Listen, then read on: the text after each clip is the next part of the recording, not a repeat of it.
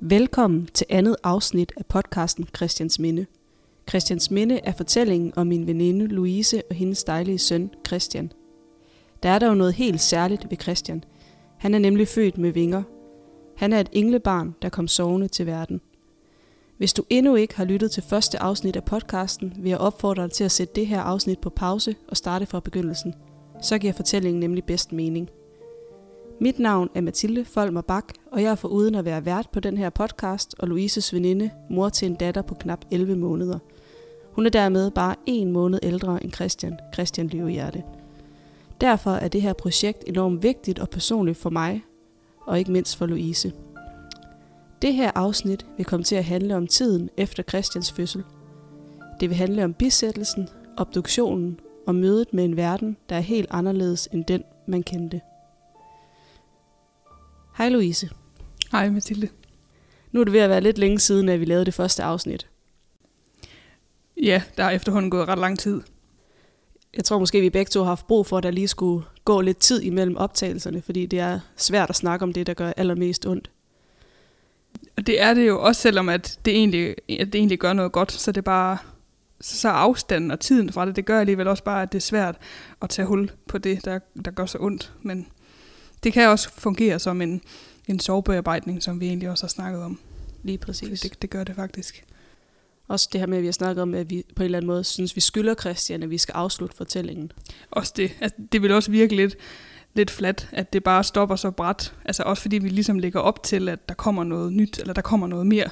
Lige præcis. En afslutning på det hele. Og ja. som du også siger, så er det sådan lidt et, et uventet terapeutisk rum at snakke sammen på den her måde for os to. Der, hvor vi slap fortællingen i sidste afsnit, det var på sygehuset, hvor du og Bendix havde sendt Christian afsted med nogle flotte hvide roser fra haven og tæp, som øh, Christians oldemor havde hæklet, sammen med hans lille sprutte selvfølgelig. Øhm, kan du huske, hvilke tanker, der gik gennem hovedet på dig, da du træder ind ad døren herhjemme, efter I har været på sygehuset og lægge Christian i kisten? Det var, det var virkelig en underlig tid, fordi der skete bare så meget. En ting er at skulle at skulle føde. Ikke? Det havde vi alligevel nogle dage op til, hvor man sådan kunne gå og forberede sig på det, men, men, men da han kom ud, øh, så var det bare et kæmpe chok, og det var nogle ting, man ikke kunne forberede sig på. Øh, og det var nogle følelser, man ikke kunne forberede sig på. Og øh, hvad hedder det? Ja, fordi der, der gik også noget tid, øh, inden han skulle han skulle i kisten, så der var noget obduktion og noget, de skulle ordne inden, og så kommer han tilbage, og så skal vi lægge ham i kisten øh, på kapellet. Øh, ja, og, og ja, da vi kommer hjem, det er, bare, det er bare mærkeligt, for man føler faktisk, at man har sagt farvel der. Ikke? Det, det er aller sidste gang, vi ser ham, ser hvordan han ser ud. Så, så det, det var faktisk ikke en særlig rar dag. Øh, det er meget smukt, øh, det man gør, men det er endnu mere forfærdeligt at tænke på, at, at det er sidste gang, man ser sit barn også selvom at det ikke har været levende. Ja. Ja. Så, så det, var en, det var en rigtig hård dag, det kan jeg huske tydeligt. Øh, jeg tror ikke, vi lavede så meget egentlig. Nej. Nej. Det var ligesom, det var det, der skulle ske den dag, og så skulle der ikke ske andet. Nej, så det var anderledes at komme hjem, efter I har lagt ham i kisten, end for eksempel at komme hjem dagen efter fødslen, fordi der ved I, I skal derop igen og se ham. Ja, altså jeg tror, da vi kommer hjem fra fødslen, det, der er man bare stadigvæk i chok. Altså man kan stadigvæk ikke forstå, at det er sket. Øh, selvom at man har set, at han er kommet ud, og man har holdt ham og så videre, så, så, så er det bare noget helt andet. Ja. Jeg ved ikke engang, hvad der er forskel. Øh, det, det er bare... Jeg tror, altså fra fødslen og så i tiden indtil han skal afsted i kissen, der er der alligevel gået noget tid. Ja. Og man har haft tid til at tænke over, hvad det er, der er sket, og, og bekymringer for, øh, hvorfor det er sket og sådan. Øh, det, det tror jeg, det fylder. Øh, og så er det jo bare at have sagt farvel. Nu har vi sagt farvel, og næste gang vi ser ham, så er det jo mere sådan, øhm, sådan en, cer- altså en ceremoniel øh, afsked, ja. en kirkelig afsked, kan man sige. Ja. Og så vælger I, at Christian han skal bisættes og ikke begraves. Kan du fortælle lidt om, hvordan I kommer frem til den beslutning? Ja, det var jo også noget, der tog lang tid. Øhm, fordi da vi kommer hjem fra sygehuset og har født, jeg tror dagen efter, så skal vi tage kontakt til en bedemand. Det skal man gøre ret hurtigt. Og, øh, og det er jo egentlig ham, der sætter alt i gang. Øh, han ved, hvad han skal spørge om. Han skal øh, han skal jo spørge ind til de ting, de beslutninger, vi skal tage, fordi der er jo ikke nogen, der kan gøre for os. Og, øh, og så handler det jo om, hvorvidt man vil kistebegrave. For hvis man vil kistebegrave, så skal det gå ret hurtigt. Ja. Øh, og vi, vi var bare klar til det. Altså, Bennings var især ikke klar til at sige farvel, kan jeg huske. Øh, jeg kan huske, at vi sidder der med bedemand og snakker med ham, hvor han siger, at... Okay, få pustet.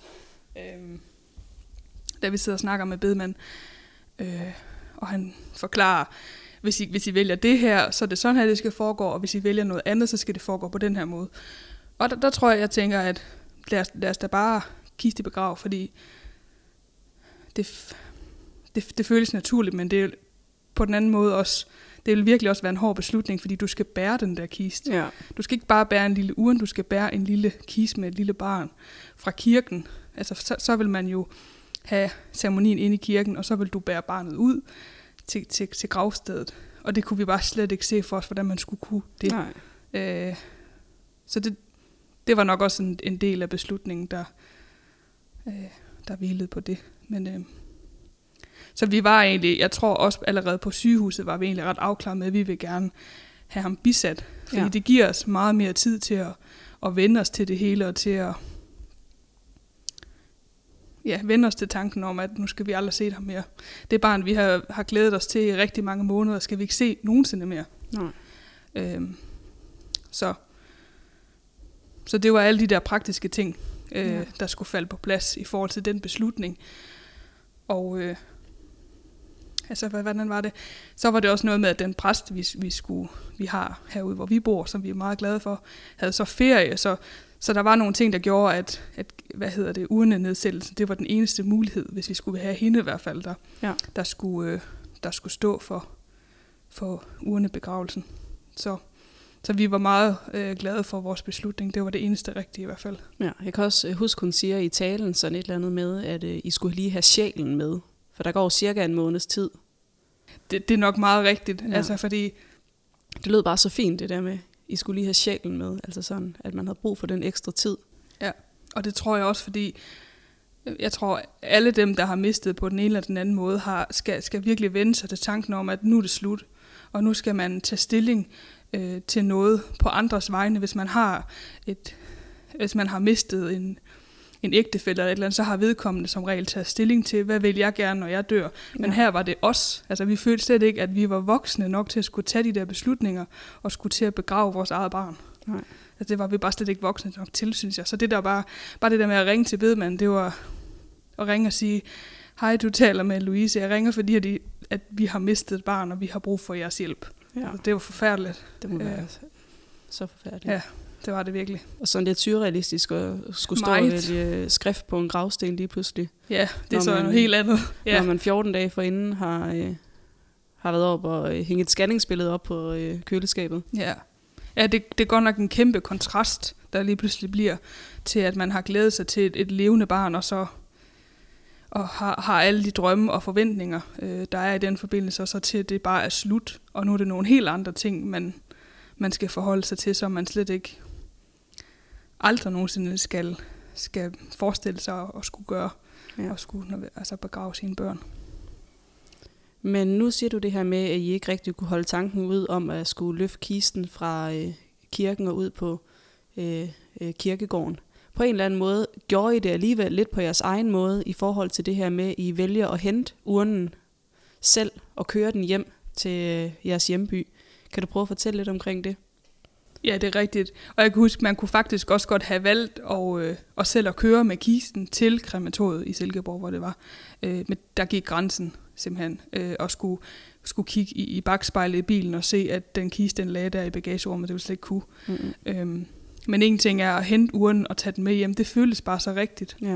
øh, at vi tog den med hjem. Ikke? Så kom han hjem til os, eller han kom så op i kirken, men han kom hjem, hvor han skulle være ja. øh, efter sådan en, en forfærdelig rejse, som han har været på. Øhm, så, så føltes det bare rigtigt, at han skulle hjem.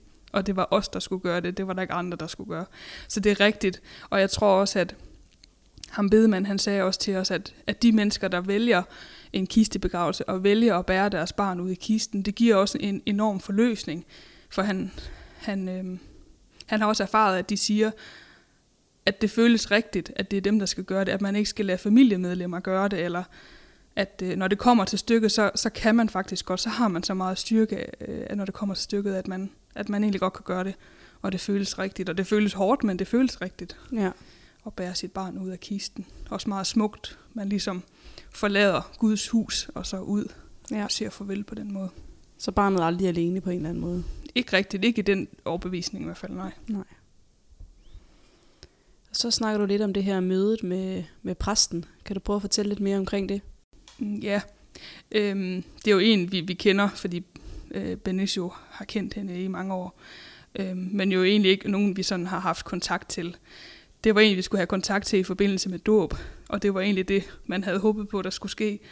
Øhm, så nej, vi snakkede i telefon med hende på sygehuset, og, øh, og aftaler, at hun skal hjem til os et par dage efter, vi kommer hjem fra sygehuset.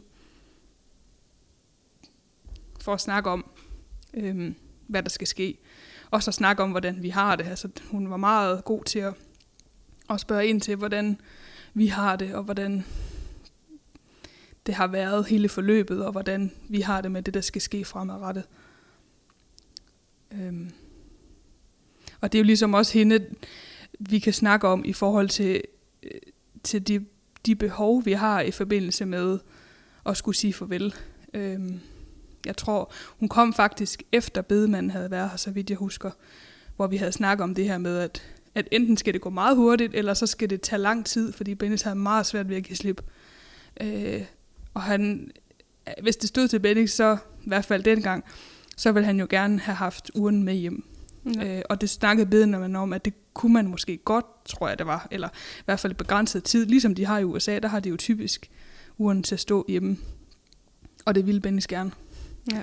Øh, og det ville jeg ikke. Altså jeg ville synes, det var øh, ikke så meget at have den til at stå, men mere det der med, at hvis du går forbi den hjemme i dit hus, du kan aldrig nogensinde...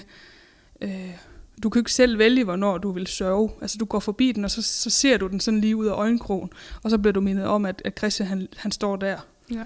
Øh, så hvis du har det på kirkegården, så, så er det et aktivt valg, hvor du går op og sørger, fordi du har lyst til det.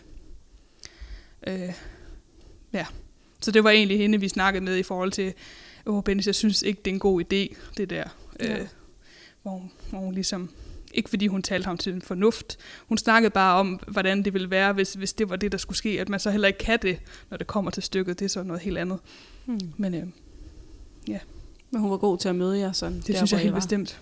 Ja, virkelig. Øh, jeg tror bare, ikke kun fordi hun er præst, men fordi hun også bare var, er, er jo et mm. menneske, der er, er nemt at snakke med. Ja. Øhm, og som kan se ud over øh, den kristne tro, og kan se øh, mennesker i, i sorg. Ja.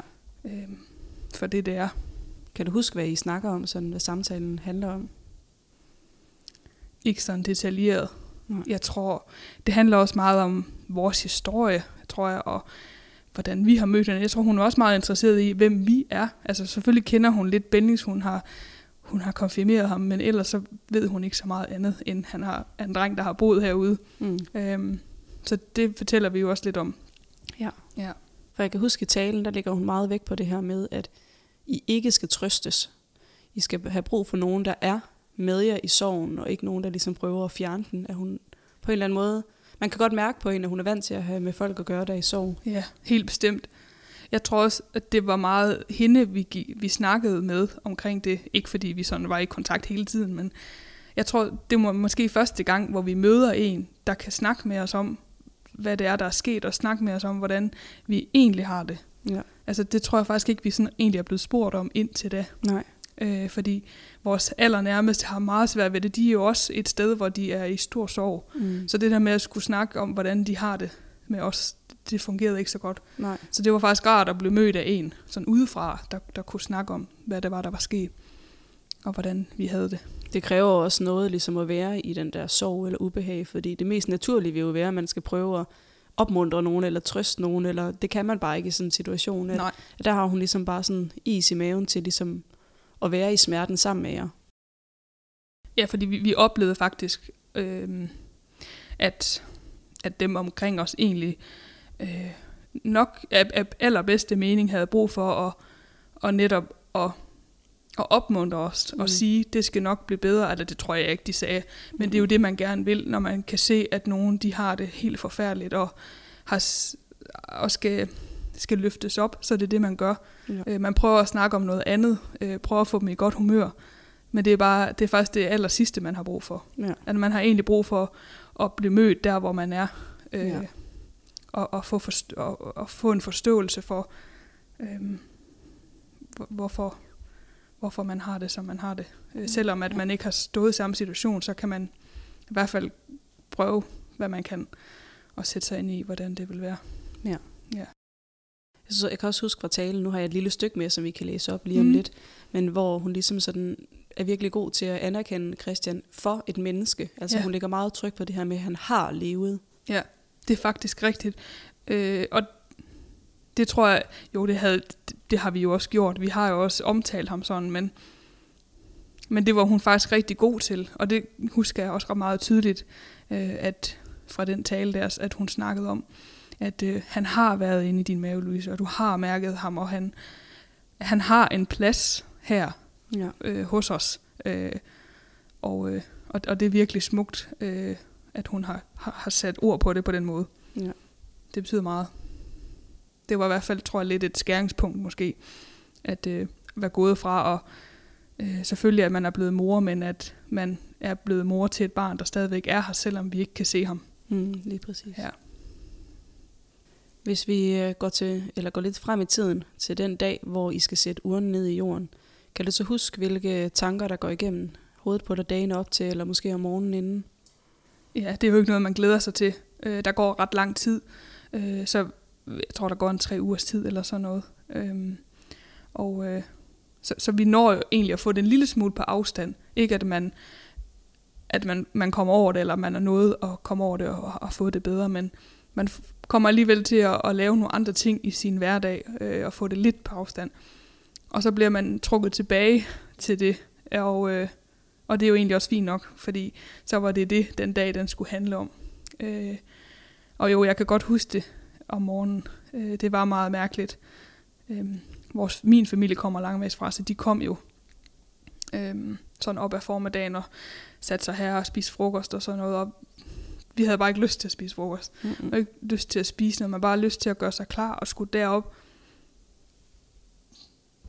og have det overstået på en eller anden måde. Øhm. Ja, så det var sådan noget, du sådan frygtede lidt, øh, eller sådan skulle hive dig lidt op til. Det var ikke sådan, du sådan tænkte, nu, nu har jeg brug for den her closure.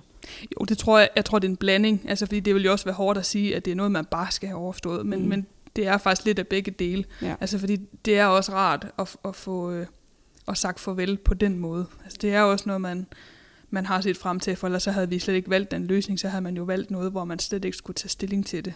Ja. Hvor man ikke selv skulle være aktiv del af det. Så jo, det, det betyder også meget for os. Ikke fordi vi er, er, er sådan meget kristne mennesker, men det betyder meget for os, mm. den del af det, øh, at han kommer øh, at han kommer afsted på det på den ja. måde. Og uanfægtet hvor religiøs man er eller ikke er, så er det jo også bare dejligt som forældre at vide, at der er nogle andre, der tager sig af ens barn i sådan en symbolisk betydning. Ja, det er jo, det, det, det er jo ren symbolik. Ja. Øhm, at, øh, at nu er han kommet et andet sted hen, et godt sted. Mm. Øh, fordi det ligesom ikke var meningen, at han skulle være her ja, lige sammen med os. Øh, så er han kommet et andet sted hen. Apropos brøden levehjerte. Ja, det er rigtigt. Kan du prøve at beskrive sådan selve ceremonien? Hvad der sker sådan i løbet af urnedsættelsen? Mm, jeg tror, det er meget klassisk. Øh, der var godt være, at vi sad udenfor. Øh, eller Benny og jeg havde fået en stol, hvor vi kunne sidde ned, fordi at man ikke kan stå op. Øh, og øh, ja, der var, vi havde jo valgt nogle salmer, og hun holdt den her meget smukke tale, præsten. Og, øh, og så sænker vi uren ned. Jeg tror faktisk, det er Bennix, der gør det. Ja. Øhm, og dækker hullet til. Øhm. Føles det på samme måde som at forlade kisten på hospitalet og sænke urnen ned, eller? Ej, det var meget anderledes. Jeg, jeg synes ikke, det var så hårdt øh, som at, lukke det låg der til kisten, fordi her der ser vi det ikke. Her ser vi bare en uge, når vi ved, at han er dernede. Ja. Øhm, så, så det var ikke så hårdt. Det var stadigvæk hårdt, men ikke, ikke at sammenligne med det andet. Det synes jeg bestemt ikke. Ja.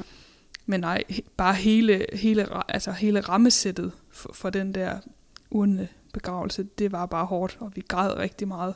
Jeg kan slet ikke, jeg kan slet ikke huske, at man har kunne se ud af øjnene, tror jeg, fordi man bare har siddet og grædt og grædt, og Benny, jeg har aldrig set ham græde så meget. Nej.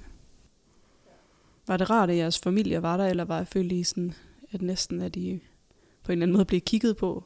Eller? Altså, de var der, og jeg, jeg, jeg tror slet ikke, at jeg endte, at de var der. Nej. Jeg tror bare, Benny og jeg, at vi bare var i vores helt egen boble. Ja. Altså, vi sad bare der, og jeg er egentlig ikke en, der bryder mig om at græde foran min familie især. Øhm, men der, der var jeg virkelig ligeglad. Ja. Og det var rart at bare kunne give slip. Og de, og de har helt sikkert bare siddet og kigget. De har sikkert også grædt. De har grædt, det har jeg helt sikkert. Jeg tror også, nogle gange har jeg sådan lige kunne sådan lige kigge rundt øhm, og set, at folk har været ked af det, fordi det kan man ikke undgå, Nej. øh, når man står der og skal sænke et barn i jorden. Men, øhm, men nej, det betød ingenting, at de Det er var måske var også rart på en måde, at man sådan har ens nærmeste familie ligesom til at holde en oppe, Ja, eller helt sikkert. give et kram. Altså, jeg kan slet ikke forestille mig, at de ikke havde været der. Det ville være unaturligt. ja. Altså selvfølgelig skulle vores familie være der. De har været lige så stor del af det. Ja. Forældre, bedsteforældre og søskende. Det var jo dem, der var der. Ja. Ja, og så, øhm, så kom de hjem til os bagefter, hvor der var mad øh, hele dagen. Ja. Så det blev, så det blev ligesom en, øh, ja, en festdag, er jo forkert at sige, men Mm. man, man, man laver i hvert fald nogle rammer omkring sådan en begivenhed, så man også øh, kan- fejre, at, øh, at han er kommet afsted på en, ja. en fin måde. Ja, det er sådan lidt ambivalent med begravelse, fordi det er jo så forfærdeligt sørgeligt, men samtidig så, øh, så er det måske også svært at, at være i sorgen så mange timer i streg, at man på en eller anden måde også har, har sådan brug for, at stemningen er lidt mere let. Det tror jeg, og det, det er jo det, der kommer til at ske, når man så kommer hjem ja. til en selv, og man ligesom kan få skuldrene ned. Det tror jeg ikke, vi gjorde, men Mm-hmm. jeg, mit indtryk var i hvert fald, at vores familie synes det var rart. Ikke? Så kunne de sidde og snakke med hinanden om nogle andre ting. Der er men- nok også stor forskel på at være forældrene og være... Det tror jeg, og jeg tror også, det er fint nok, altså, fordi så havde de jo ligesom hinanden, og så kunne vi bare, altså hvis, hvis det bare var Bennis og jeg og vores forældre, så ville der bare være alt for meget sådan blik på os. Mm. Vi kunne, vi kunne få lov at være os selv og bare slappe af og bare sidde og kigge ud i luften. Ja. Og så kunne de øh, hygge sig sammen, uden at, at de skulle tænke på, om, øh, om, om, ja, jo selvfølgelig tænker de også på, hvordan vi har det, men Oplevede du en eller anden form for lettelse, da han var øh, sat i jorden? ja, Eller det tror jeg. tomheden, der fortsat? Jeg tror, det er en blanding mellem tomhed, men også lettelse, fordi det var det sidste. Nu, nu skal der ikke ske mere. Nu kan vi, nu kan vi tage op og besøge ham, når vi har lyst. Øh, og så, så er det jo på en måde et afsluttet kapitel, Ja. når, man, når man gør den slags. Så jo, det var en lettelse. Øh, nu, nu alle de ting, der har været op til alle de beslutninger, øh, hårde beslutninger, vi har skulle træffe, øh, det, det har jo det er slut. Ja. Og der er sat punktum. Øh, så nu er det bare eftermælet, man skal prøve at, at leve med, fordi det er aldrig noget, man kommer over. Man skal leve med, at, øh, at man har mistet et barn. Præcis. Som hun også sagde i talen der, præsten, at det er et, et ar på sjælen, der aldrig forsvinder, men Ja. man, skal, man skal lære at leve med. Ja, og det, det er meget præcis sagt. Øhm, for jeg tror, at, at det er jo noget, at vi i tiden efterfølgende har, har kunne mærke, at, at den mindste ting er en, øh, en påmindelse om, at han ikke er her, eller at, at vi skulle have haft et tilsvarende barn. Hvis man ser et barn Ja. i, i supermarkedet eller et eller andet, så bliver man mindet om, at, at det kunne have været vores barn, der løb rundt der. ja. I hvert fald, hvis man forestiller sig et år frem eller noget.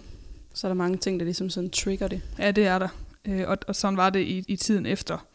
Det var rigtig hårdt, i hvert fald i starten. Hvad kunne det være for eksempel? Nu sagde du det med supermarkedet.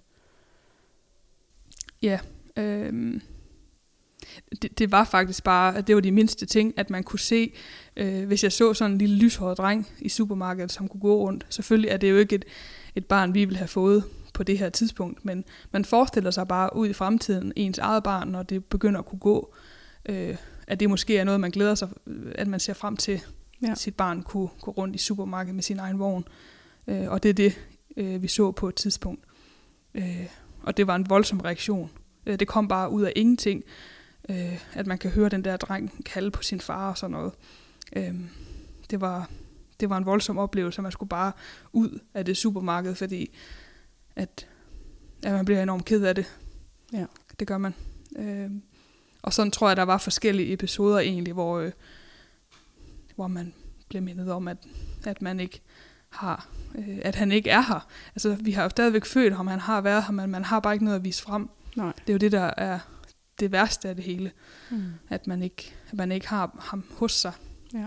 Man har ikke nogen, man har ikke noget barn, man kan se vokse op øh, Nej. sammen med alle de andre børn.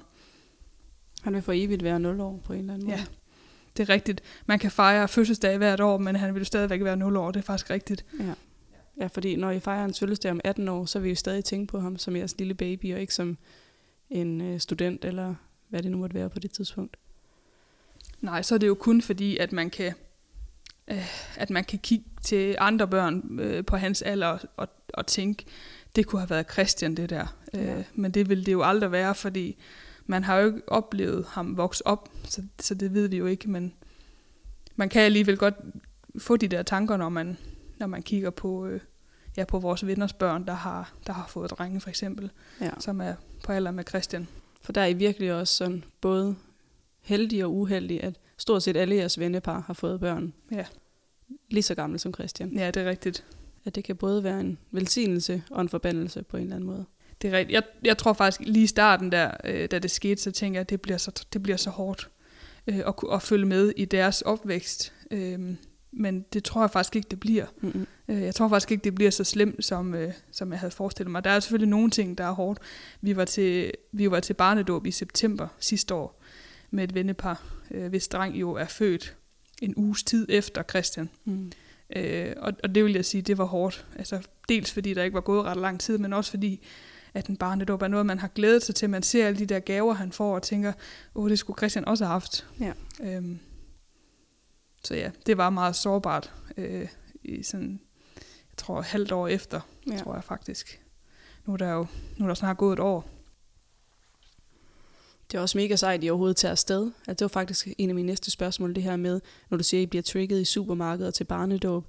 Sådan, I, I isolerede jer ikke, eller sådan på nogle, nogle punkter i forhold til at skåne jer selv for at, at blive ked af det? Nej, jeg, jeg tror, det var også et, et bevidst valg. Altså, jeg tror, det er sundt at komme ud. Øh, også især fordi det er nogle tætte venner, og det er nogen, vi vil have noget med at gøre forhåbentlig resten af vores tid, eller i mange år fremad. Ikke? Øh, og, og hvis vi allerede nu, eller på det tidspunkt begynder at isolere os, så tror jeg, det er svært at samle sådan en venskab op. Ja. Øh, både på grund af det, men også fordi, at, at uanset hvor vi kommer hen, eller hvem vi er sammen med, så vil der altid være børn.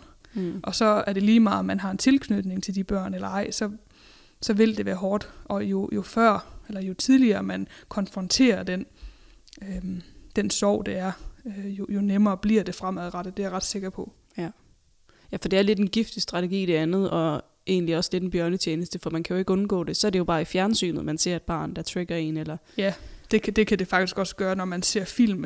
Jeg kan ikke se en film med en fødsel, eller se en film med en kvinde, der, der mister et barn uden at få det skidt. Øh, og det er slet ikke noget, jo selvfølgelig synes man jo som seer, at det er hårdt at se sådan nogle mm. ting, men når man selv har været der, så ved man faktisk, hvilke følelser det, det giver. Ja. Så det er rigtigt, der skal nærmest ingenting til. Jeg tænker at læse et lille stykke op her fra præstens tale, som jeg tænker, vi kan snakke lidt om bagefter. Det er en af de passager, som jeg synes, der står allermest stærkt. Og hun siger, øh, det er så uendeligt tungt at stå her i dag. I dag slår ord ikke til. For hvad er der at sige andet end, at det hele er så forkert? Det er så aldeles uforståeligt, tragisk og meningsløst. Sorg er det eneste, der giver mening netop i dag for vi forstår ingenting. Det, der skulle have været glæde og forventning over Christians fødsel, blev med et til sorg, mørke og forfærdelse. For Christian er død. Han nåede ikke at se dagens lys, men han har levet, og det er vigtigt at holde fast i. Han har levet. I har set, og I har hørt hans lille hjerte slå, og han nåede at vokse sig stor og fin inde i maven på dig, Louise, og han havde, han havde det godt derinde. Han nåede at høre jeres stemmer, og han nåede at mærke jeres kærlighed og jeres omsorg for ham. Han nåede at mærke jeres varme hænder på den anden side af din mave, ligesom I har mærket, hvordan han livligt og kraftfuldt sparkede inde i maven. Jeres liv er forandret for altid. Christian er for evigt jeres lille dreng, ham I ventede med kærlighed, glæde og forventning. Det er virkelig, det er virkelig nogle stærke ord, og det er virkelig, virkelig flot beskrevet. Det, jeg kan virkelig godt forstå, at I valgte den præst. Hvad går der igennem dit hoved, når du hører det her igen? Mm, jeg får bare tårer i øjnene bare at lytte til dig læst op. Øhm, men det er rigtigt. Altså hun sætter jo ord på, øh, på, på nogle af de ting, som, øh, som også havde fyldt meget hos, hos især mig, fordi at jeg synes i starten, der synes jeg, det var svært at anerkende ham som det han var, at han var min søn. Øhm, og i starten, der havde jeg bare brug for at, at få det overstået og komme videre og blive gravid igen.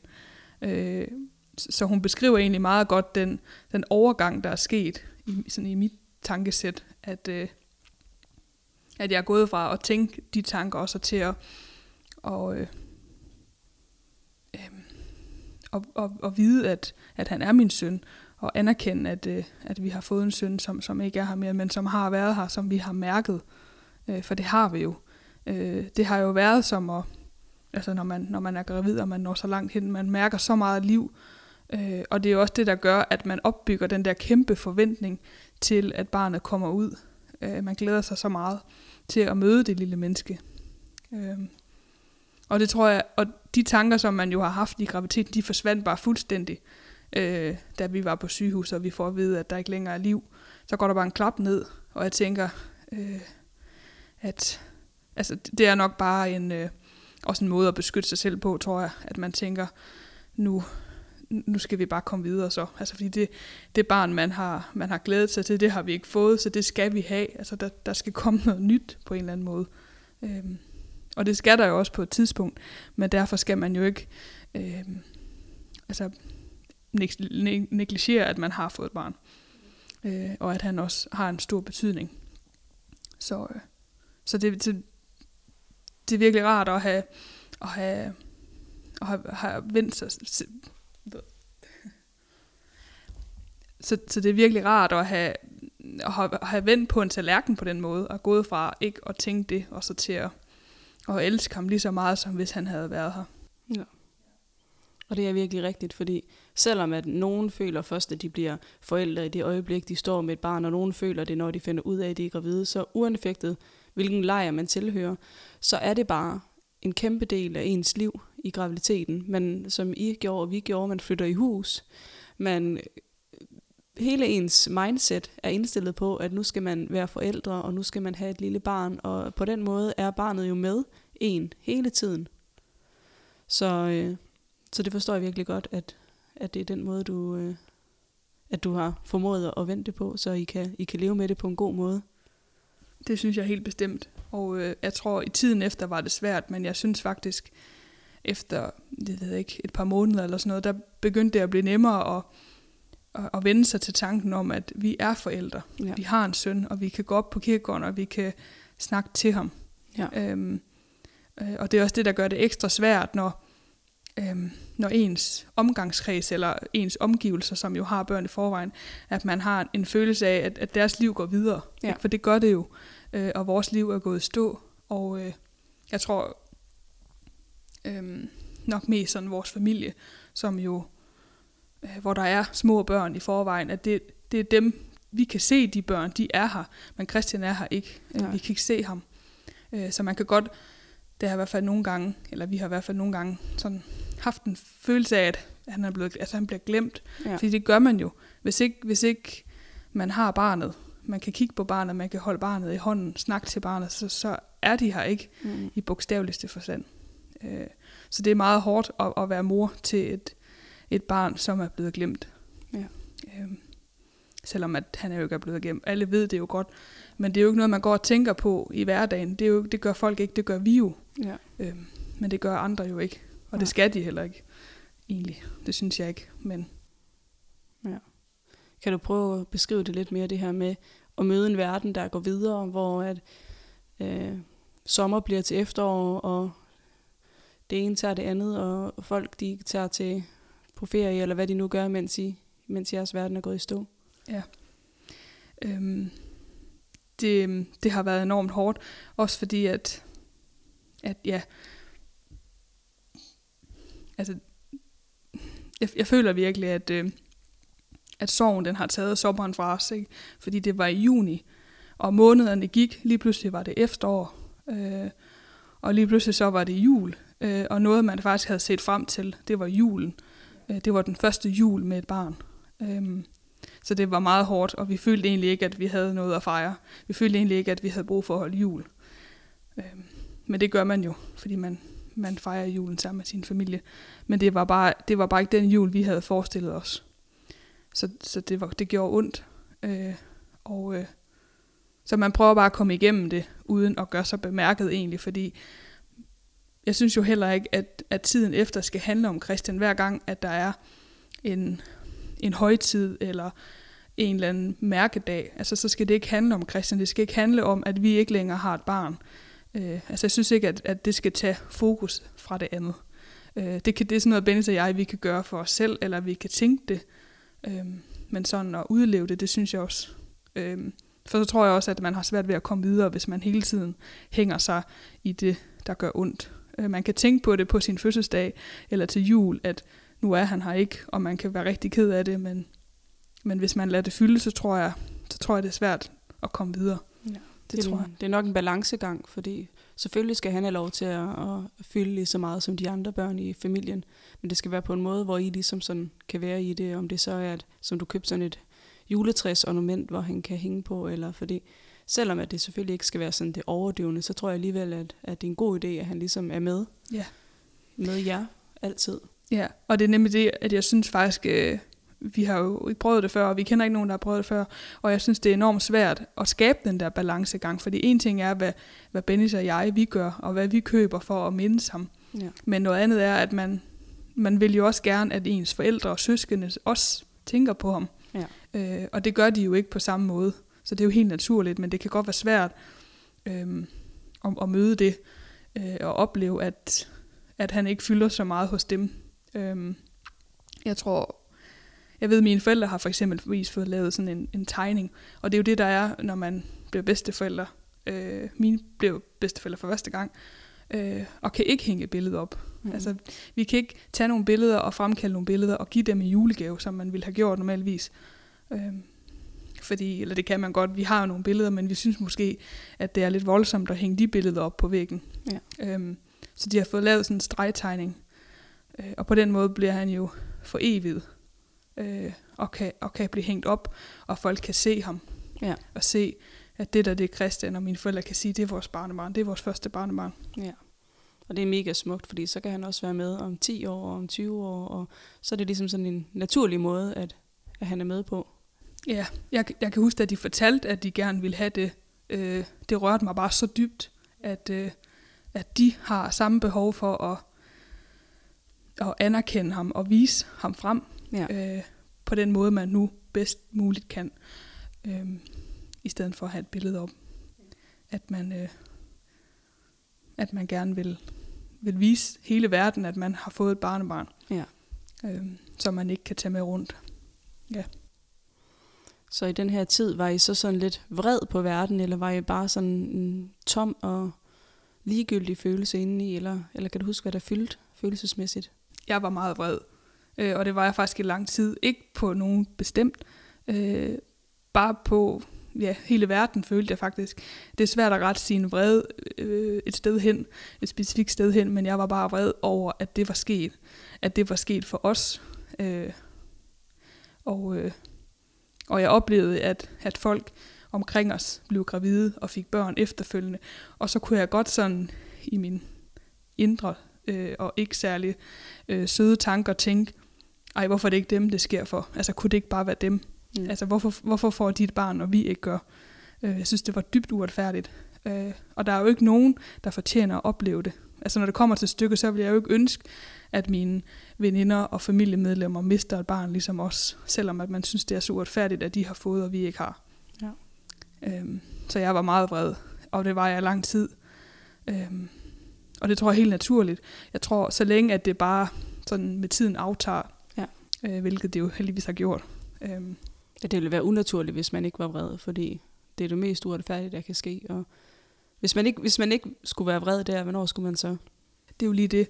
Jeg kan huske, i det der sovgruppeforløb, der, der snakkede vi om, øh, sådan forskellige måder, man kunne reagere på. Kan man være vred, eller kan man være ked af det? Kan man være uforstående? Der var sådan forskellige elementer.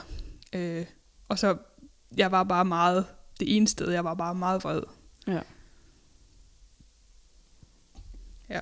Ja, for det er måske lidt forskelligt, hvordan man reagerer. At nogen de bliver sådan næsten sådan deprimeret eller sådan følelsesløse på en eller anden måde. Og andre de ligesom bliver mere vrede. Jeg tror også, at, øh, at med vreden, der, føl, der følger jo også en eller anden form for sådan depressiv Mm. øh, tilgang, det tror jeg. Altså, fordi det er jo ikke, fordi man er depressiv, og det er jo ikke, fordi man skal være bekymret for, at man bliver syg af det. Jeg tror bare, bare godt, man kan gå ind og tjekke, når du har det der og det der det der, øh, øh, hvad hedder det, reaktioner øh, på, på depression. Og det har man, fordi at sorgen øh, er jo også en, en depression. Fuldstændig. Den kan godt manifestere sig i en depression. Og, øh, Det er jo også for nylig blevet anerkendt som en, en, jeg ved ikke om man skal sige en sindslidelse, eller hvad man kan kalde det, en- et sorg ligesom er en, en anerkendt størrelse. Øhm, ja, det er rigtigt. Øh, forskere har jo forsket i sorg i, i mange år, blandt andet Svend Brinkmann og sådan nogen, øhm, hvor man jo også har prøvet at nå frem til en nærmest en diagnose, ja. altså en Ja, sorgdiagnose. jeg tror, det var det, jeg mente, ja. Ja. Øhm, og øh, ja, det er der jo nogle mennesker, øh, der oplever. Heldigvis ikke os. Nej. Øh, men man kan, jo godt, man kan jo godt trække tråde til det i starten, fordi at det er helt naturligt at have de der reaktioner i starten. Jeg tror, ja, den psykolog, jeg gik ved, hun sagde i hvert fald, at, at et halvt år, altså det er et halvt år, man snakker om, og hvis det bevæger sig ud over et halvt år, hvis ikke Mm. det er blevet bedre efter et halvt år, så begynder øh, nogle røde lamper at blinke. Ja. Øhm, og, og alt andet end det er meget naturligt. Men du oplevede derefter et halvt års tid, at, at du begyndte at slutte mere fred med det, mm. eller oplevede en bedring på en eller anden måde. Ja, det synes jeg. Jeg tror, ja, det halve år, det var jo der i december, øhm, hvilket også var også en ubehagelig Ja. og hård mærkedag. Ikke? Man står der på, på, ved gravstedet, og så er der gået et halvt år. Jeg ved og hvad kigger man tilbage og på, hvad der er sket på et halvt år? Der er ikke sket noget som helst. Nej. Tiden har vidderligt været stå, gået stå.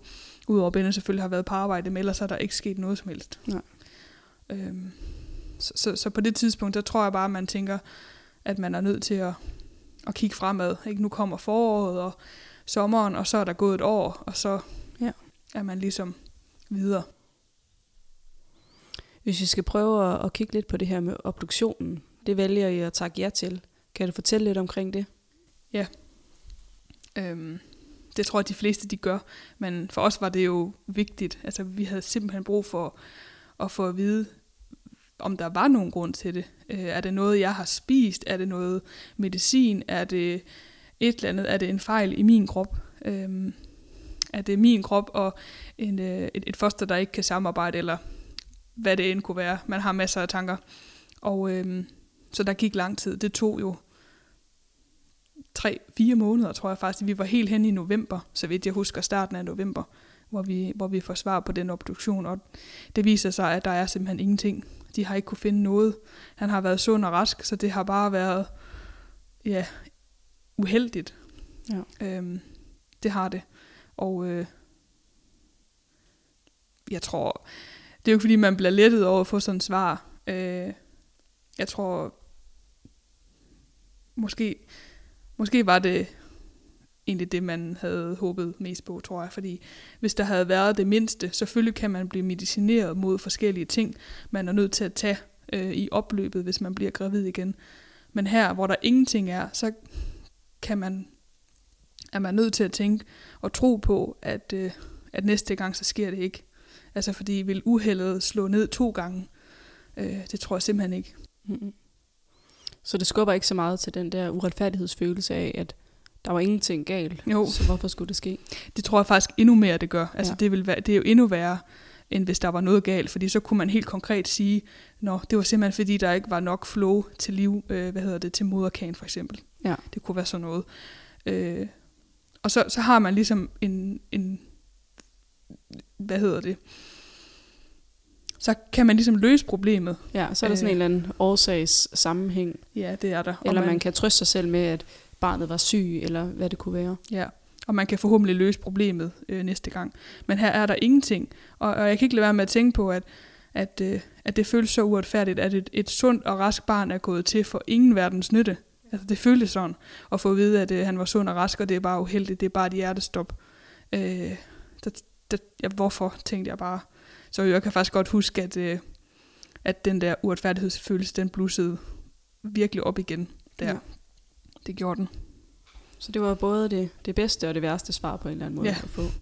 Ja, jeg tror, jeg tror uanset hvad, så vil man jo ikke blive glad. Man vil jo aldrig gå derfra og tænke, åh, dejligt, eller Nej. øh, uanset hvad man får at vide, så er det jo ikke rart. Det er Ja. det simpelthen ikke. Men øh, hvis jeg skulle vælge, så, så ville det her nok være den, øh, det, det, det bedste egentlig, fordi Ja. at man er i chok, øh, hvis man sådan fornuftigt tænker, at, øh, at det sker ikke igen. Det vil simpelthen være øh, utænkeligt, at det skulle ske anden gang eller tredje gang. Det er der helt sikkert nogen, der oplever, men det, det er de færreste. Mm, heldigvis. Ja. Var det rart at få at vide, at det ligesom ikke var, nu nævnte du det her med noget, du havde gjort eller spist, eller at din krop der er modarbejdet. Var det sådan rart på en eller anden måde at, at tænke på, at, at du havde gjort alt det bedste for Christian? Det synes jeg da. Altså fordi at, at øh, man hører jo om kvinder, som, som ikke kan blive gravide, fordi at deres krop simpelthen modarbejder det, det barn. Øh, og jeg kunne da godt nogle gange gå og tænke, øh, det kan godt være, at jeg kan blive gravid, og det kan også godt være, at jeg ikke kan nå 2030, men hvad hvis jeg ikke kan nå længere? Altså hvad hvis min krop ikke kan, øh, hvad hedder det, jamen kan, altså at barnet ikke kan blive Ja. større, at det ikke, man ikke kan nå længere i sin graviditet, så det der, øh, hjertet det siger stop i uge 30. Ja. Øh, og så kan man prøve igen og tredje gang, og det er bare det, der sker hver gang. Øh, ikke at det, det ville være virkelig mærkeligt, hvis det var tilfældet. Mm. Men det tænkte jeg virkelig, at øh, på ting, hvis det, hvis det er det, min krop den er, den er kodet til, ikke at kunne Ja. øh, få et levende barn ud.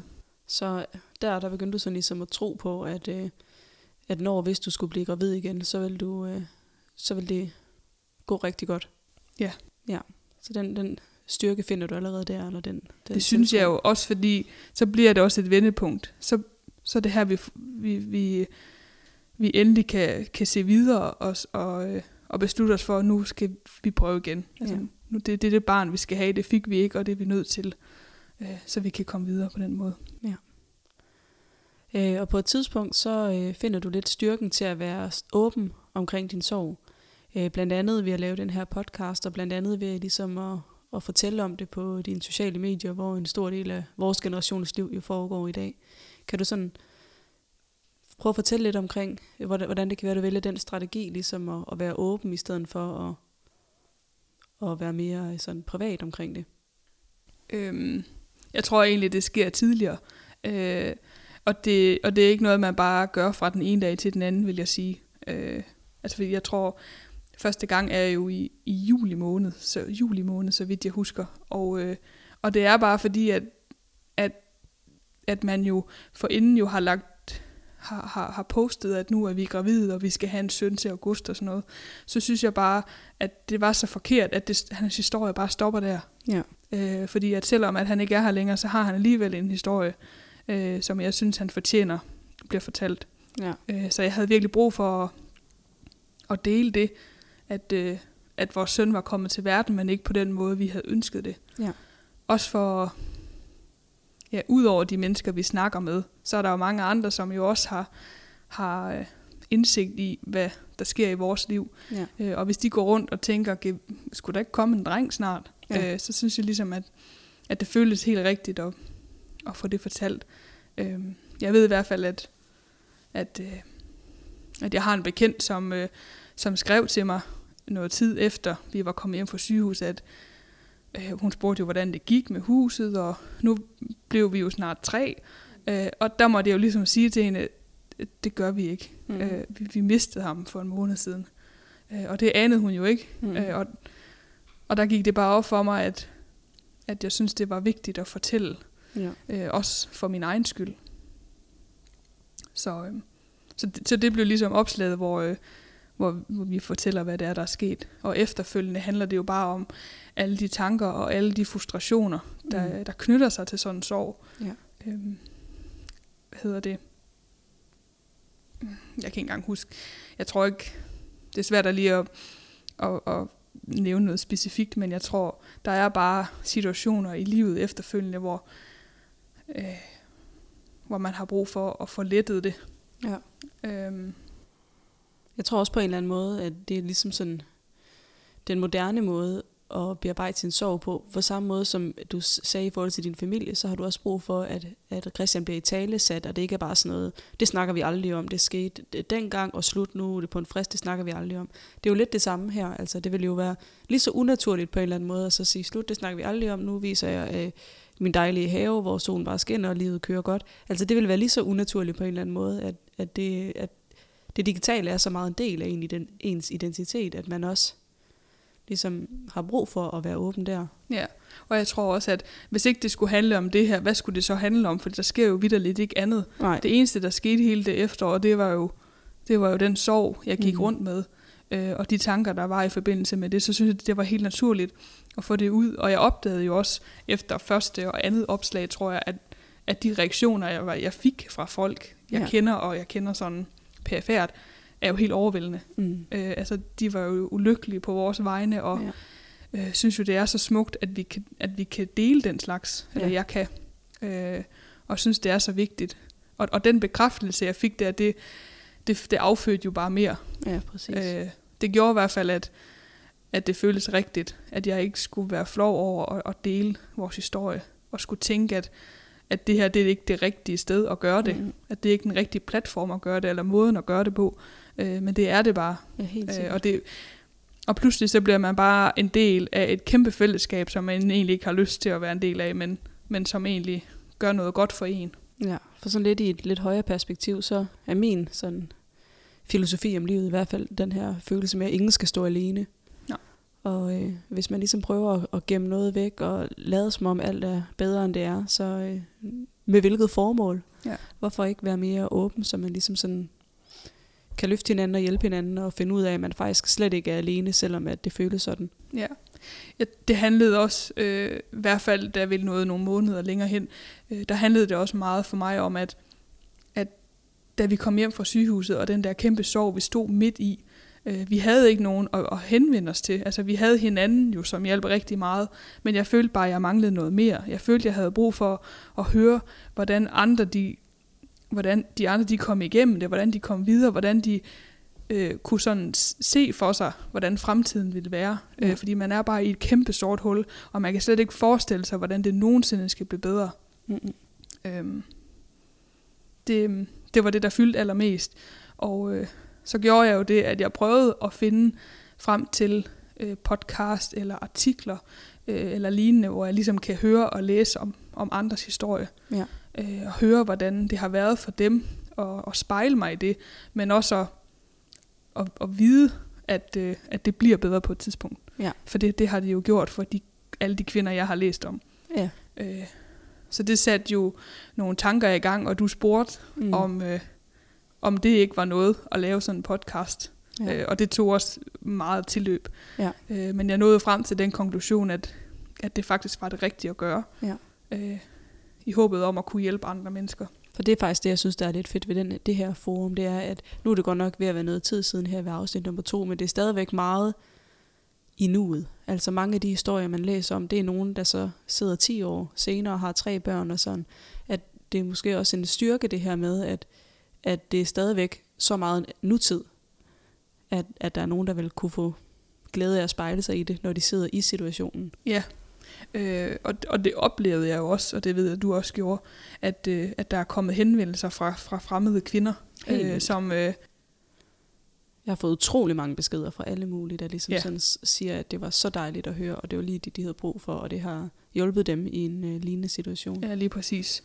At, øh, jamen, jeg tror, jeg har måske tre af de beskeder, jeg har fået, har faktisk været for kvinder, der også har født. Ja. Øh, altså på samme tid, som har mistet på samme tid som os. Ja. Øh, og det sætter bare tingene i et kæmpe perspektiv. Mm. At, øh, at, at jeg er gået fra at føle mig alene til, at, at der desværre er øh, rigtig mange, som, øh, som står og har stået i samme situation, og som også kommer til det.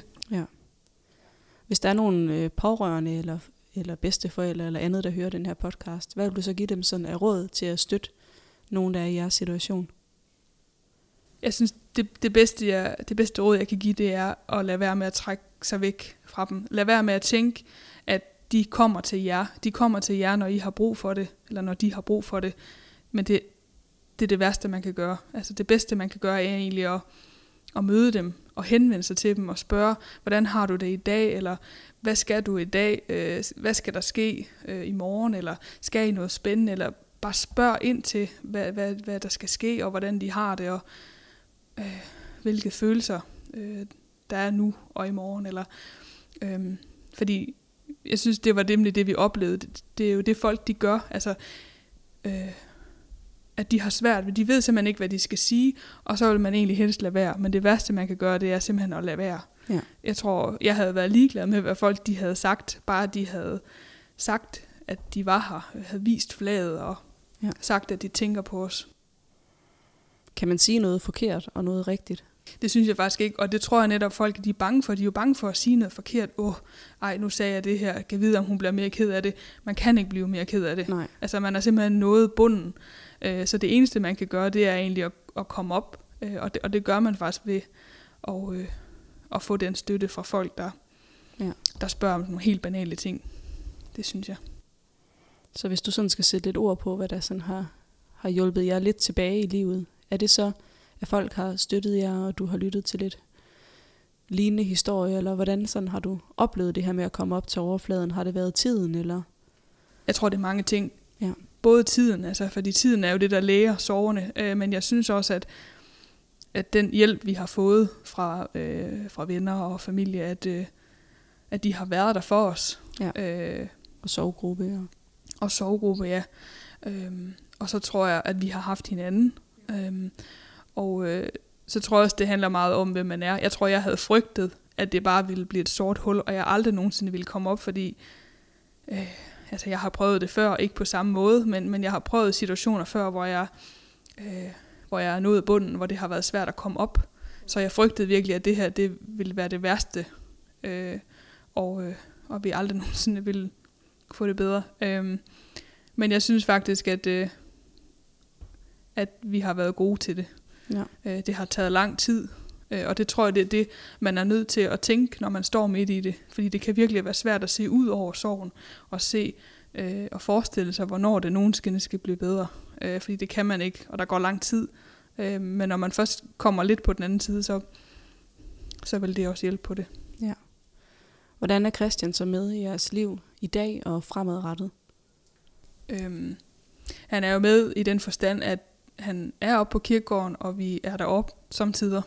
Øhm, og øh, at han er illustreret ved, ved tegninger. Øhm, og øh, så har vi jo også sådan en lille kasse, øh, hvor vi har samlet alle de ting, der er, vi har, vi har tilknyttet ham. Tøj ja. og forskellige ting. Som, man jo, som jeg samtidig tager frem og kigger ned i og kigger på. Øh, så på den måde er han i hvert fald stadigvæk hos os. Ja. Og så tænker vi jo, altså jeg tænker af og til på, om jeg kan jo godt blive ked af det, ja. øh, hvis jeg ser øh, andre, der er ude og gå med barnevogn og sådan nogle ting, så, så bliver jeg ked af det. Men det er jo ikke sådan noget, der, der trækker en langt ned, og det er ikke noget, der tager flere dage. Men jeg vil sige, at nu blev jeg 30 for nyligt, øh, og, og lige, så, lige så meget en fest det jo også er, lige så hårdt var det også fordi at vi, Benz og jeg, vi var alene. Vi sad alene ved det der morgenbord, og der skulle have været en mere. Ja. Tror du med tiden sådan, at du vil tænke på ham sådan med en glæde også, eller tror du, at det vil være, være mest sorg, der fylder? Det tror jeg, vi vil gøre. Øh, nu har vi jo ikke nået øh, årsdagen endnu. Øh, jeg tror, når man når vi får børn øh, fremadrettet, så tænker jeg jo, at at det vil blive en anden måde, man mindes på. Altså, at man med søskende kan sige, kan gå op på kirkegården, eller kan kigge på det der julepynt, som vi har købt, ja. øh, og kan hænge det op øh, og mindes ham. Ja. Fordi at øh, det er meget afgørende, at han, at han bliver en del af deres liv, selvom han ikke er her. At de skal vide, at han var her, og han var den første øh, storebror Christian. Det bliver måske også på en eller anden måde nemmere at mindes med glæde, når man har et jordisk eller fysisk barn at kaste sin kærlighed på på en eller anden måde. 100 procent. Øh, det kan jeg i hvert fald huske, at har en kollega, der fortalte, at, at de kom først rigtigt videre, øh, da de fik barn nummer to. Ja. Øh, da de fik det i armene af et levende barn. Og det er jo også det, vi har tænkt meget på, at det er jo ligesom det, der holder en op, Mm. at, øh, at det er det, der skal ske. Det er det næste, der skal ske. Er der noget her til sidst, du synes, der mangler at blive sagt? Eller synes du, vi har været omkring det? Jeg synes, vi har været meget omkring. Øhm, jeg synes i hvert fald bare, at, at, det, at det er vigtigt, at, at det med at, at miste børn, uanset hvor når i graviditeten man mister et barn, at man ikke, at man ikke tænker det som et tabu. Altså, for det kan Mm. være meget svært at snakke om. Det synes vi i hvert fald, det var, fordi vi kendte ingen. Vi, der var ikke engang bare nogen, vi kendte, som kendte nogen, der havde oplevet det Nej. Det var først efter det var sket, hvor der sådan ligesom dukker folk op, som siger, åh, jeg har også en kollega, eller jeg har også en søster, der har prøvet det. Ja. Ja. Øh, så så, så det, det bliver meget lidt i talesæt, ja. og øh, det er i hvert fald det, jeg synes er vigtigt med den her podcast, det er, at, at det bliver i talesæt. Det var virkelig også mange af de henvendelser, jeg fik. Det var folk, der sådan sagde, det er også sket for min søster, eller for min det ene og det andet. Altså, der var virkelig, virkelig mange, der kom frem med de der historier, og sådan, havde et eller andet sådan instinktivt behov for at fortælle mig om det, de har været igennem, eller været ja. Pårørende til. Sådan, at på en eller anden måde, at havde jeg lidt sådan en følelse af, at måske at de også manglede en eller anden form for, for mindre tabu omkring, at man kunne få lov til at snakke om det og være i de her følelser. Ja, for det er godt nok specielt. Jeg havde jo ikke i min vildeste fantasi forestillet mig, at det her det skulle ske. Mm. Jeg vidste jo godt, at det kunne ske, det ved man jo godt. Ja. Ja. Men når man når så langt hen, så tror man virkelig, at man er home safe. Ja. Øh, nu kan vi begynde at gøre klar, og nu kommer babyen snart. Mm. På et splitsekund, der bliver det bare taget fra en. Ja. Øhm, og, øh, og, og det sker bare desværre uhyggeligt mange gange, Ja. øh, at der er kvinder, der oplever det. Ja. Og, øh, og, og, det, og det kan gøre, og det kan resultere i, at man står med det alene Ja. som par, fordi man ikke havde forestillet sig, at det skulle ske, eller man ikke har prøvet det før, øh, og man aner ikke, hvordan man skal navigere i den sorg. Nej. Øhm, fordi det jo er et barn, man har mistet. Mm. Ja, det er også, jeg læste engang sådan en, der havde oplevet det også, sådan, hvordan man præsenterer sig selv. Hej, jeg hedder Louise, jeg er Ja. mor, men min dreng er her ikke Nej. fysisk. Altså sådan, at så er det også sådan, du ved, nogen vælger ikke at gøre det, fordi, uha, hvordan reagerer den anden, og nogen vælger at gøre det, fordi de ligesom, det er det rigtige at gøre. At der er sådan en eller anden form for berøring, berøringsangst omkring emnet. Det er der desværre, og det er jo også noget, jeg har oplevet. Øh, og i starten, der havde jeg meget svært ved det, hvis jeg, hvis jeg blev spurgt om... Øh, sådan, man kan godt blive tilfældigvis spurgt sådan i, i nogle sammenhæng, om man har børn. Har du også børn? I svømmehallen oplevede jeg, fordi jeg, øh, jeg var der en eller anden dag, hvor der havde været babysvømning. Og så er der sådan en barn, der smiler til mig, og så smiler jeg tilbage, og så siger moren, øh, der er vist en, der godt, øh, der er en, der kaster din kærlighed på dig, eller hvad det var, hun sagde. Og, og så siger hun, om jeg også har børn. Mm. Og så fryser man et øjeblik, fordi man har lyst til at sige, sige nej, fordi så kommer man over det. Fordi ja. hvis man siger ja, både og, og så prøver at forklare sin historie, altså det efterlader bare sådan en akavet stemning. Ja. Ikke? Fordi hvad skal vedkommende svare? Åh, oh, det er godt nok ked det var da frygteligt, eller... Øh, og det vil man bare helst undgå, fordi det har vi jo prøvet. Øh, og, og folk, de ved simpelthen ikke, hvad de skal sige og reagere på, på sådan et svar. Fordi det er så... Det, det, det, det forventer man slet ikke. Vi prøvede det til et bryllup, og det ødelagde bare stemningen totalt. Ja. At, øh, at vi ligesom... Fordi vi bliver spurgt, og så svarer man. Ja, Øh, det er helt naturligt det, at sige, ja, vi har faktisk et barn, men han er her ikke længere. Ja. Og øh, så, så det, det var meget svært i starten. Men øh, man lærer ligesom også at afkode, hvornår skal man sige det ene, og hvornår skal man sige det andet. Ja. Øhm, fordi at, fordi det, det er jo øh, en del af min identitet. Ikke? Mm. Nu Mm. er jeg mor til Christian, øh, og er blevet et helt andet menneske. Ja. Det synes jeg i hvert fald selv, at, øh, at det har ændret mig meget til det gode, synes jeg jo faktisk. Øh, I starten, der synes jeg jo ikke, at det var sådan, men jeg synes, at øh, det har også gjort noget godt. Altså, der er også kommet noget godt ud af det, Ja. hvis man skal prøve at se positivt på det. Så har det jo også gjort noget godt. Og hvad er det? Måske en anden dimension af kærlighed, eller sådan på en eller anden måde. taknemmelighed, vil jeg sige. Altså, øh, selvom at, at man på en eller anden måde er, altså er ødelagt øh, for livet, når man skal prøve at få børn efterfølgende, fordi at man får aldrig øh, den naivitet tilbage, der ja. er i forbindelse med en graviditet. Øh, man vil være bekymret hele tiden fremadrettet. Øh, og, øh, men det har også det har også resulteret i noget taknemmelighed. Taknemmelighed for, at vi lever, Bennes og jeg, stadigvæk, eller ja. øh, taknemmelighed for det liv, der egentlig er blevet til. Mm. Øh, fordi det kunne lige så godt det kunne lige så godt være tilfældet, at vi slet ikke kunne få børn. Ja. Øh, så taknemmeligheden for, at vi egentlig kunne, øh, og det var et sundt og rask barn, der bare gik til. Øh, taknemmeligheden for, at, at det forhåbentlig kan ske ja. igen, og ende lykkeligt næste gang. Så man er sådan at se glæden ja. i mørket. Ja, det er jo det, det. Jeg tror, at nogle gange skal man også, selvom det er svært, så skal man også tænke på øh, altså det gode i det dårlige. Selvom det kan være svært at forestille sig, at der overhovedet kan være noget godt i at miste et barn, eller miste en, en, en uh, samlever, eller no, mm. noget som helst. Men uh, det er der. Der er også noget, noget godt i det. Ikke fordi, at der er noget godt i at miste, men der, det afføder også nogle, nogle positive ting. Og sådan er det jo med livet, at nogen oplever værre ting end andre, og I har været nogle af dem, der har været allerhårdest ramt, men at livet det går jo op og ned, og det det allermest handler om, det er, hvordan man håndterer det, og hvordan man samler sig selv op, og hvordan man får bearbejdet de sorg og traumer, man får på vejen. Ja. Og der synes jeg bare, I har været helt vildt, helt vildt gode til at, at, at snakke om det, og arbejde med det, og, øh, og ligesom imødekomme det på en god måde, så I ligesom kan lære at leve videre med det. Jeg tror også, det er jo noget, der om, altså om noget har rustet et forhold, har ja. rustet vores forhold.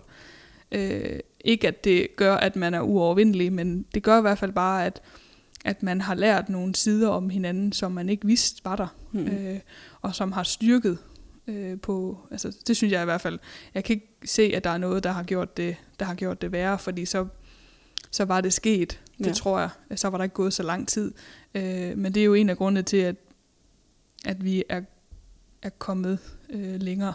Ja. Øh, det er jo fordi, vi har haft hinanden, og vi har været gode til at, at aflæse hinanden og sige, jeg kan se, at du er ked af det, vil du ikke fortælle mig, hvad det er, du tænker på, eller øh, man kan bare, jeg kan sige til Benny, åh, jeg er bare så ked af det, eller jeg kom til at tænke på ham i dag, og det gjorde mig bare så ked af det.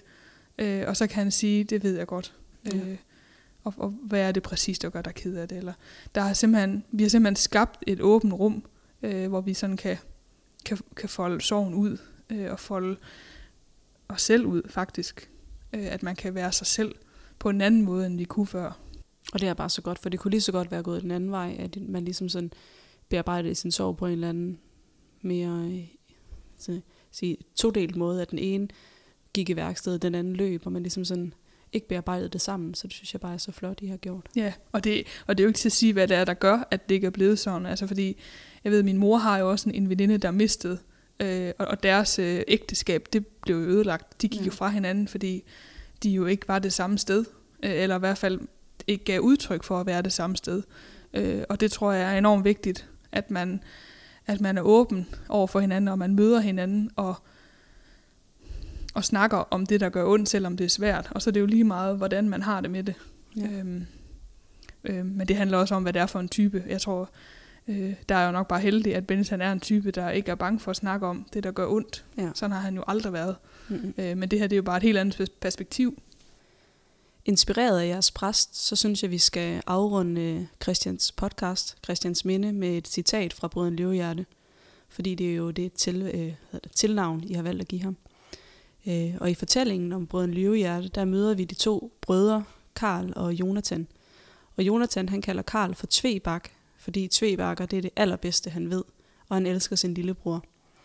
Og på den første side i bogen, der står der, Ved du, at jeg snart skal dø, sagde Tvebak og græd. Jonathan tænkte sig lidt om. Han ville måske ikke så gerne svare på det spørgsmål, men til sidst sagde han, ja, det gør jeg. Og så græd jeg endnu mere.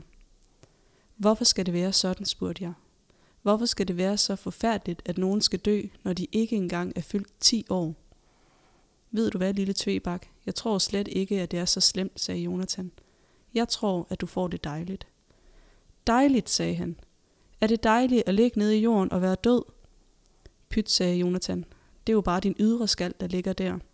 Du selv flyver bort til et helt andet sted. Hvor så? spurgte jeg, for jeg troede ikke rigtigt på ham. Til Nangiala, sagde han. Til Nangiala? Han slyngede det ud, som var det noget, alle og enhver vidste. Jeg havde bare aldrig hørt om det før. Nangiala, sagde han. Hvor ligger det? Så sagde Jonathan, at det vidste han altså ikke helt bestemt. Men det var et sted på den anden side af stjernerne. Og så gav han sig til at fortælle om Nangiala, så man næsten fik lyst til at flyve, der, flyve derhen med det samme. Det var andet afsnit af podcasten Christians Minde. Tusind tak, fordi du lyttede med. Mit navn er Mathilde Folmer Bak, og jeg har lavet podcasten her. Titelmelodien er lavet af min svigerfar, Lars Folmer Jensen.